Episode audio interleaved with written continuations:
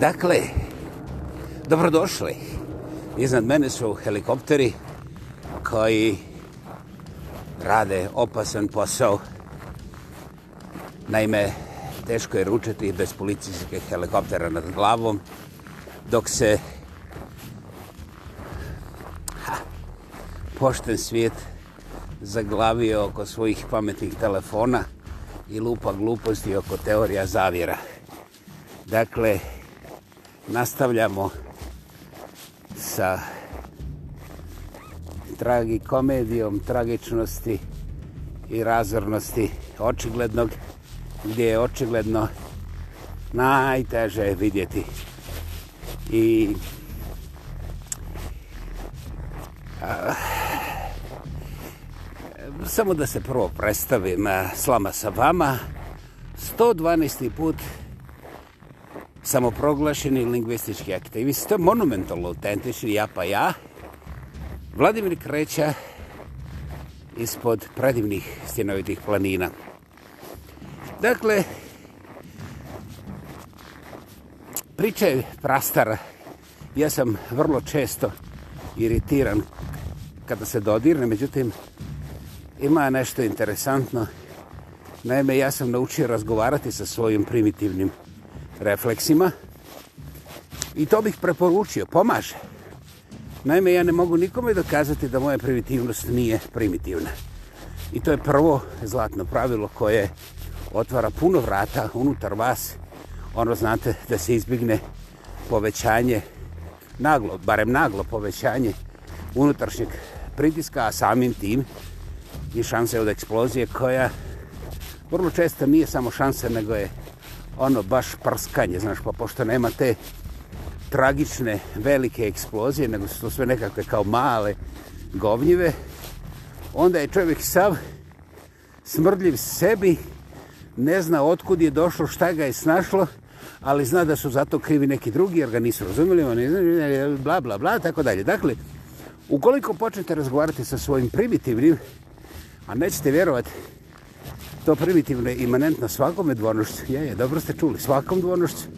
Znači, ako znate neke ljude koji nikad nisu pokazali ni P od primitivnog, znate, to ne znači da su oni vama dokazivali kako oni nemaju primitivno, nego to znači samo jedno, da ste vi pomislili da eto postoje neki idealni ljudi koji nikad ništa primitivno ne uradili. Da li sam ja vama rekao, idite istraživajte pa ćete onda pronaći da svako ima primitivni dio? Gospoda moja draga, vi samo hoćete crno-bijeli svijet. Prvo kazalište 81. godina. Ja nisam Dobrin Bogović, ali ovo je i dalje ostao crno-bijeli svijet. Uh, pokušajte na primjer razmišljati jednom također brutalno primitivnom faktu koji se ne može diskutirati. Mislim, ne može se suvislo diskutirati. Inače, ovi naši pametnjakovi će mogu diskutirati i sam smisao, dokle god voliš. Pretresanje prazne slame je sport koji nema ograničenja, osim što je u svemu ograničen. I onda tek počinju orgije lupetanja ili trešenja prazne slame, naravno. Dakle, Kako se to najlakše objasni sa tim primitivnim? Pa evo jedna brutalna činjenica. Naime, u gradu od milijon i pol ljudi statistika kaže za sve ove sjevernoameričke gradove koji su iznad milijon stanovnika, oni kažu da svakoga dana svakoga dana, kad su normalni uvjeti, ne govorimo o pandemijama, ne govorimo o ratovima, ne govorimo o prirodnim katastrofama, Znači svakog dana u tim nekakvim normalnim uvjetima jedna stabilna brojka mrtvih dnevno na milijon stanovnika u gradu, znači u urbanoj sredini, je oko 25. A, interesantno da variacije, znači od skakanja od te statističke brojke na sjevernoameričkom kontinentu, jednostavno su gotovo u nivou statističke greške. Dakle, interesantno je da bez obzira na najrazličitije okolnosti i čak ono, teško da zarazumiti, ali ne postoji nijedna situacija u kojoj je u jednom gradu ta statistička regularna na godišnjoj, na godišnjoj razini govorimo, to je važno znati, ovaj, znači izvan pandemije, izvan prirodnih katastrofa, izvan ratova. Znači razlika između recimo nekog Majamija i dobro, Anchorage nije milijonski grad još uvijek, ali koji je najsjeverniji gore, recimo Edmonton. A, razlika je u, još uvijek u, na godišnjoj, znači na godišnjoj razini razlika umrlih na milijon stanovnika u urbanoj sredini nikad ne prelazi razinu statističke greške. Znači, ispod 10%. To je vrlo, vrlo zanimljivo kako uh, ljudi u umiranju imaju interesantne navike. A ono što je posebno zanimljivo, među tih statističkih, opet na godišnjem, na godišnjoj razini, ovaj, 25 dnevno, a nema 26 starijih od 100 godina, niti je bilo koji dan bez preminulih ispod 20 godina. Da, dobro ste čuli. Znači, neka središnja starost tih statističkih 25 na godišnjoj razini, umrlih u jednom gradu od milijon stanovnika, znači u urbanoj sredini u Sjevernoj Americi, je jedva, jedva dostegla 40 godina životne starosti. Znači kombinirano, naravno. Dakle, kao što vidite, u tim takozvanim nekim normalnim okolnostima vi ne vidite koliko ljudi umire, jer, znate, ja ne znam, osim ako niste grobari po profesiji, ovaj, vi ne vidite koliko ljudi umrlo, koliko je ljudi podleglo prometnim nezgodama, koliko je ljudi imalo običnu nesreću da se okliznao sapun u kuhinji, kako se tamo naše, nemojte pitati mene, to je sasvim četvrta priča. I ovaj, onda dolazimo do toga da život nikako nije simetričan, a pogotovo ne simetrično predvidiv. A upravo je to ono što mi nastojimo dokazati. Šta sam ja sa ovim htio? Pa, evo, presicam teorija zavjere oko ovoga virusa koji okolo kruži i koji, znaš, jedni, jedni kao u njega ne vjeruju, drugi kao vjeruju, treći su kao umorni i sad te su sve to skupa. To dokazuje da smo mi jedan čopor nekontroliranih onako obadanih krava. Svaka grupa ima svoju omiljenu priču i onda svi to tresu i onda... Ok, ovo je bio moj telefon. Poprostite. Dakle, svaka grupa ima svoju priču i priklonjena je ovom ili onome. I svi se osjećaju bolje kad imaju svoje vjerovanje i kad imaju svoga profesora, doktora, doktorata koji im je objasnio da Bill Gates, jedan starkelja koji ima viška para, koji uglavnom daje, ovaj, recimo, na primjer, napravio je čudo za malariju koju nisu napravile ne države, ni čak ni svjetska zdravstvena organizacija, ali eto, Bill Gates, koga je uopće ne brani. Šta me briga?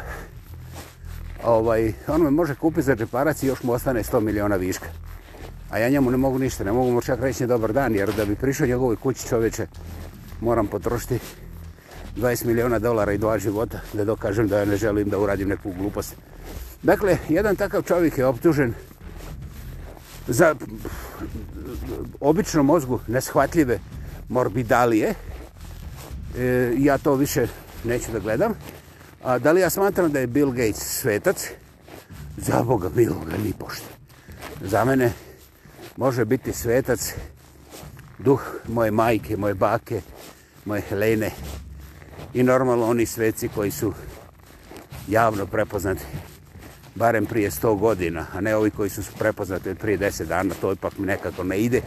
Nisam tako brz na uočavanje tih svetaca. I ovaj, nevjerovatno je koliko su ljudi potrošili vremena da ubijede jedni drugi kako je Bill Gates spremio neke čipove i ovaj joj, muka mi je to nabrajati jednostavno i sad ja znam da takvi derene prvu stvar objasni kako ja imam sužen pogled kako ja ne vidim, kako sam ja naivan i tako dalje davno prije Bill Gates mislim, nakon moga rođenja ja sam se ponašao naivno, bio sam naime dijete. I evo, do dana današnjeg ja sam djetinjasta i naivan. I to ne preporučujem nikome, ali Boga mi ne skrivam pred nikim. Jer ovaj, moja naivnost nije nikoga koštala ni zdravlja, ni para. Dakle, ja ne pripadam stadu. Ja pripadam svoje djetinjatosti, djetinje, djetinjatosti, okej. Okay. Bum, izgubio sam rešnik. Ok, skužili ste, neću se mučiti dalje. I ovaj, znači, djetinjost, djetinjatost. Hi, ja sam ja počeo da izgubio. Lingvistički aktivista uhvaćen u katastrofalnom flanku. Ok, to je dobro, to je dobro. Um, da vas ubijedim da ovo nije namjerno, ne, ne dolazi obzir. Uh, dakle, Ja izuzetno volim tu naivnost i tu djetinjost u sebi. Hej. Hello.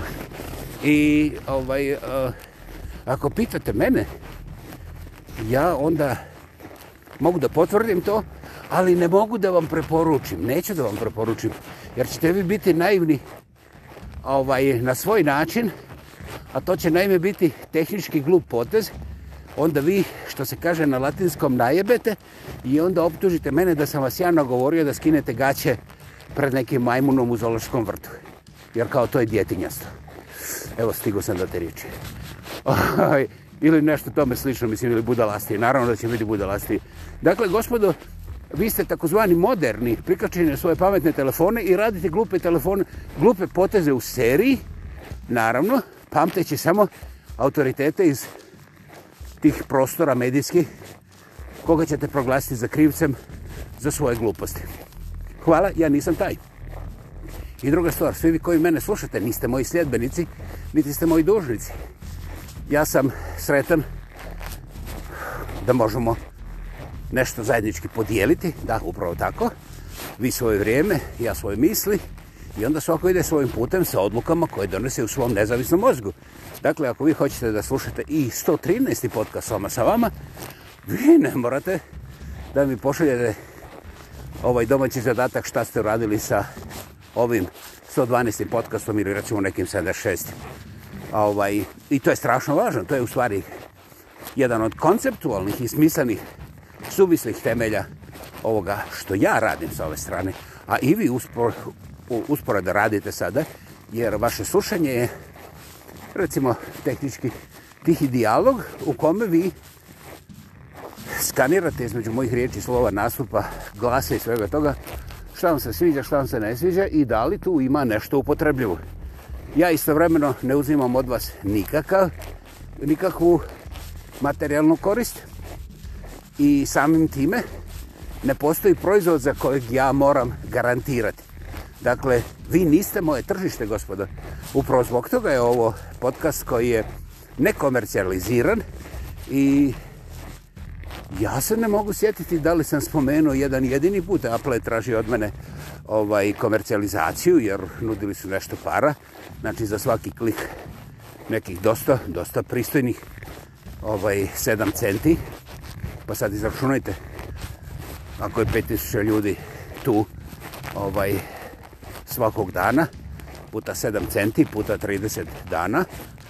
Dakle, to, mislim, pošto ja nisam Bill Gates, to su za mene novci koji, hu, plaćaju puno više od goriva za moje ovoga, šetanje okolo.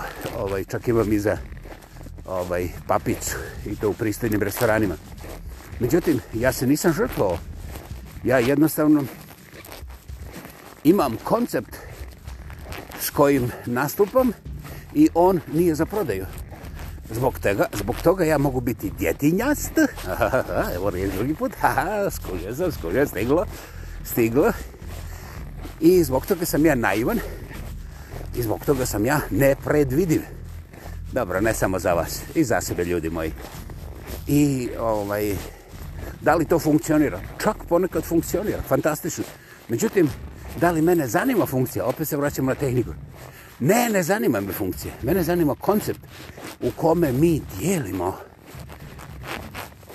u kome mi dijelimo nešto. Ja imam svoje viđenje i svoj izraz, vi imate svoje uši, svoje skaniranje i onda primjećujete šta između tih riječi postoji kao nerečeno, šta postoji kao dobar početak za vaše vlastito mišljenje i na temelju toga unapređujete svoje živote, što je meni velika radost, mada ja ništa od tog ne vidim, niti ću provjeravati, ali ako se ljudi vrate nakon podcasta 76 u podcast 112, onda ja dozvoljavam sebi da vjerujem da taj čovjek koji je slušao podcast recimo 76 pa se ponovo vratio u podcast 112, da je taj čovjek prepoznao nešto što mu je ok, ne mora biti zaljubljen, ne mora biti oduševljen, ne mora biti ništa od tih veličanstvenih hollywoodskih trikova, ali vjerovali ili ne, ja vjerujem da čak i ljudi koji prave glupe poteze u svakodnevnom životu, nikada nisu bili glupi, nego jednostavno u određenim okolnostima povjeruju da mogu biti gore i onda potegnu potez koji ih opali i po džepu i po nosu. Najbolji primjer je kocka čovjek vidi 70 miliona dolara na lutri, oh, umjesto da kupi cipele, on kupi 200 kombinacija za loto, jer je sigurno ako ne dobije 70 miliona, dobit će barem 7. Kako se dobija 7, pojma nemam, ali taj čovjek sebe ubijedi i onda kad dođe subota, recimo danas, vidi, niko nije osvojio tih 70 miliona. Nije on osvojio više ni od jednog besplatne, jedne besplatne igre i to na bonus. Znači, njemu je otišlo nekoliko stotina dolara u zrak i on više ne može da govori normalno. Jer nekoliko stotina dolara, zaboravimo Bill Gates, u koži realnog, običnog čovjeka predstavlja nekoliko dana ozbiljnog rada. A to za nula novaca, jer je ono bačeno, to je ista stvar. U ne samo da smeta, nego košta. Ok. Dakle, Da završimo oko toga očiglednoga. Najgora je stvar što ljudi, eh, kada se desi bilo kako lelujanje, znači, da li stvarna ili samoizmišljena opasnost ili moguća opasnost ili prirodna nepogada, bilo šta, ljudi se ponašaju kao sva druga stoka na ovoj planeti. Bježe u svoje čopore, u svoje krda, u svoje stada apsolutno vjerujući da je to način za opstankom. Da je to u stvari najbolji način preživljavanja, da je to nešto što garantira ovaj ako ništa drugo, barem njihovoj djeci nešto.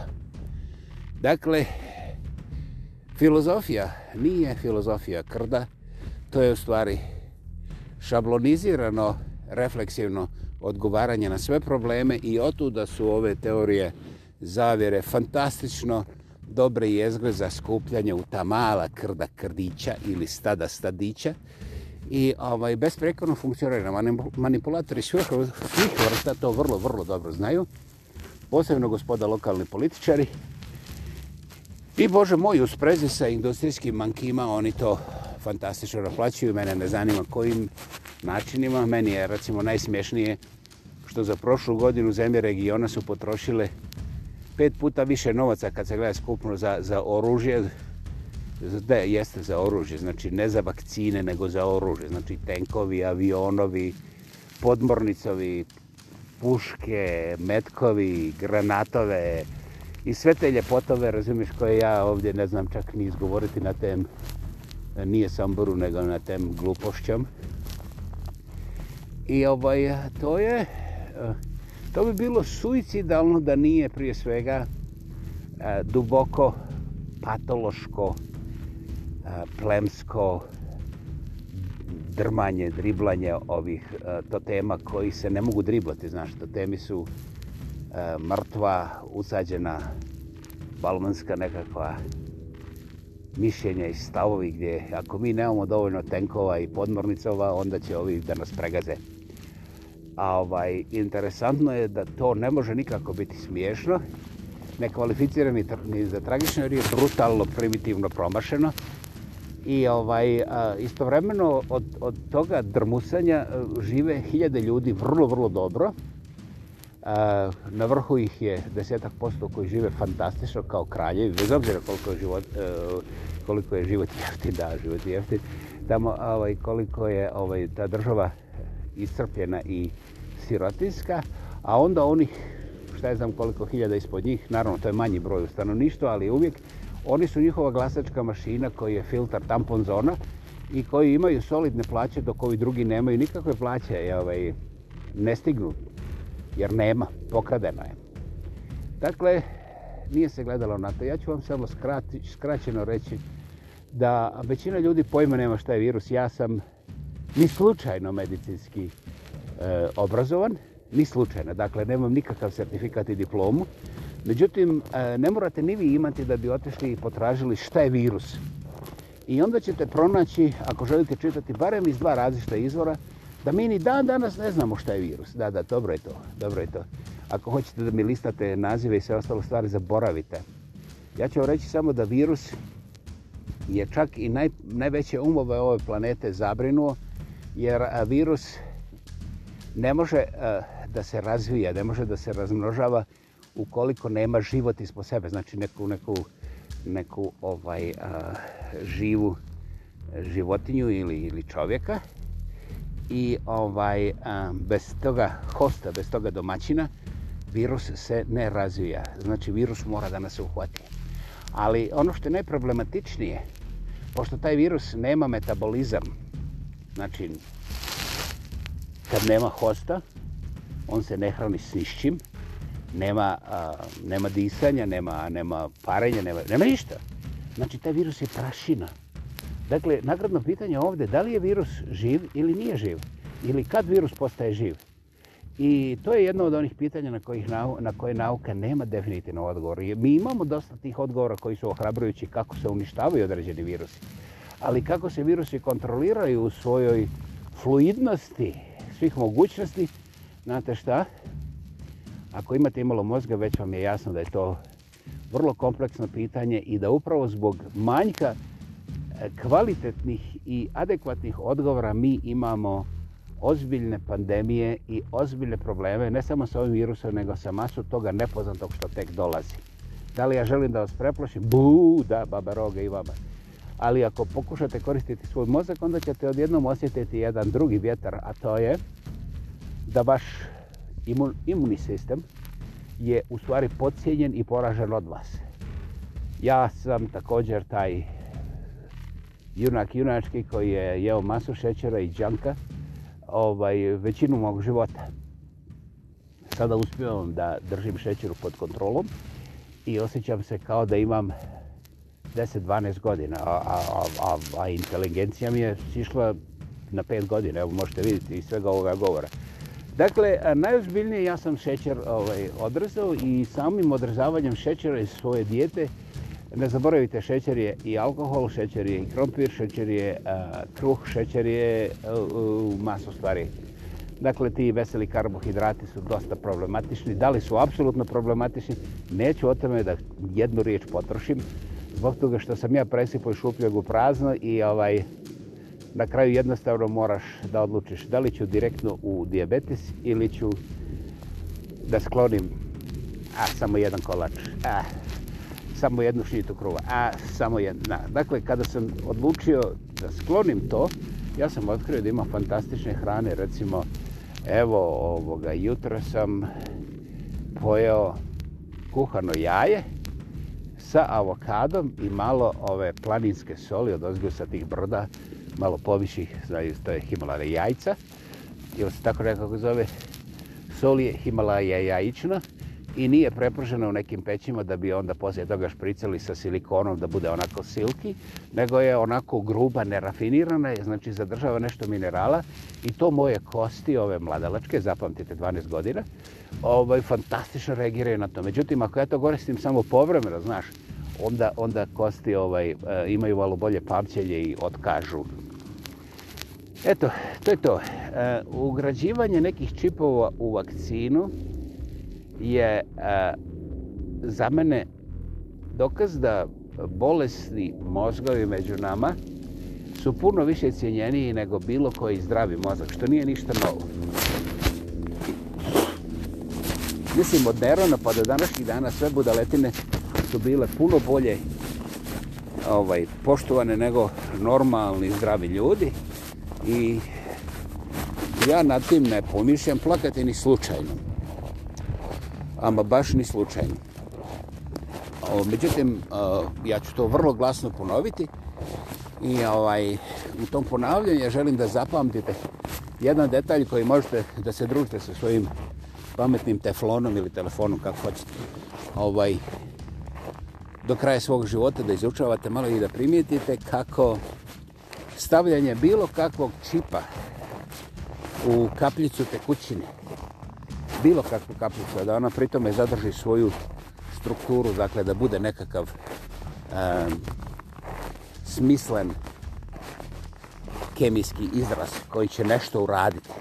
Znači vi imate potpuno vještačku strukturu čipa koji je imanentno mrtav jer odgovara impulsima koji nisu samo biološki nego su, moramo priznati, elektromagnetski ili barem svjetlosni, znači kontroliraju se nekim, nekom mrtvom spravom izvana. I onda imate tu kemikaliju koja mora preći u biomehaniku našeg tijela, a da pritome zadrži svoju kompoziciju na ispod atomskom nivou. Dragi moji ljudi, ja ne znam koliko čovjek treba biti bolestan, a da ukrsti nanotehnologiju koja je stara jedva nekih 20-25 godina, e, kompjutere koji su malo stariji i onda ove budalaštine koje su čista sociološka fenomenologija. Dakle, e,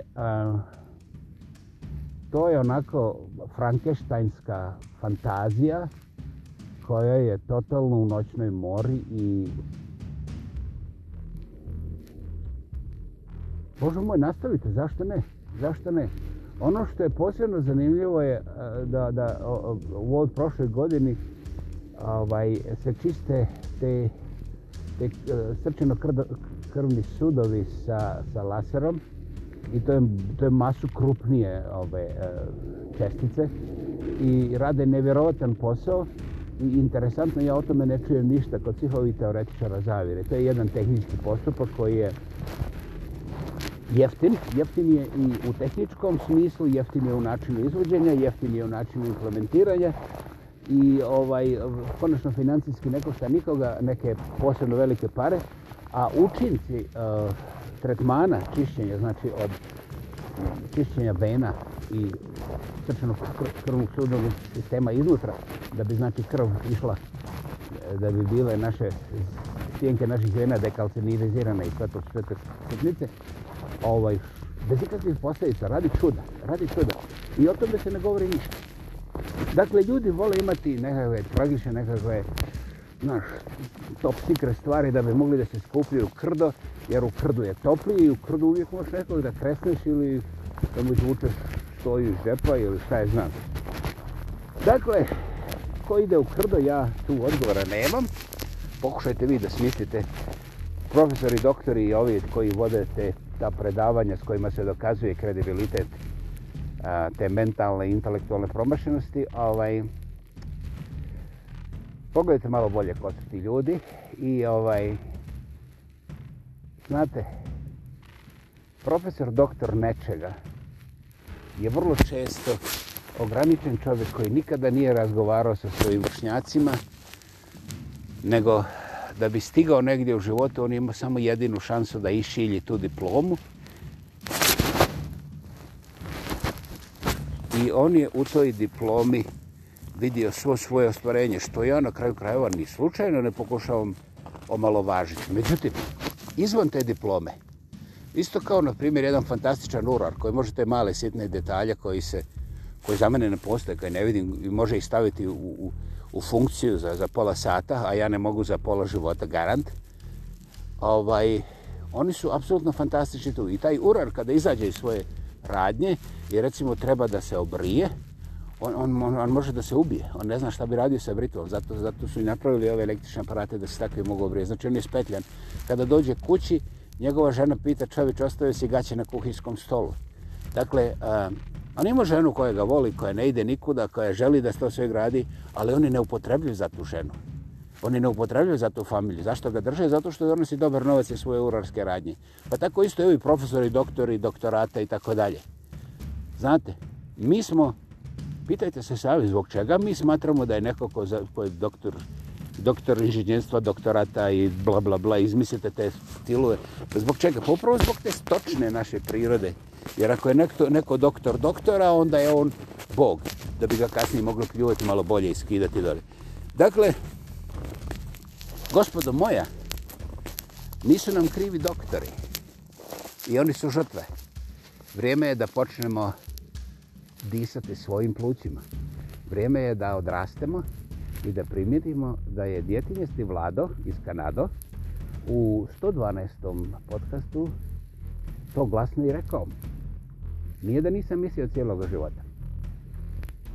Svakako, na vama je potez da učinite, ne, da učinite nešto za sebe. Pogledajte svoga doktora u svome ogledalu. Pogledajte svoga profesora u svome ogledalu.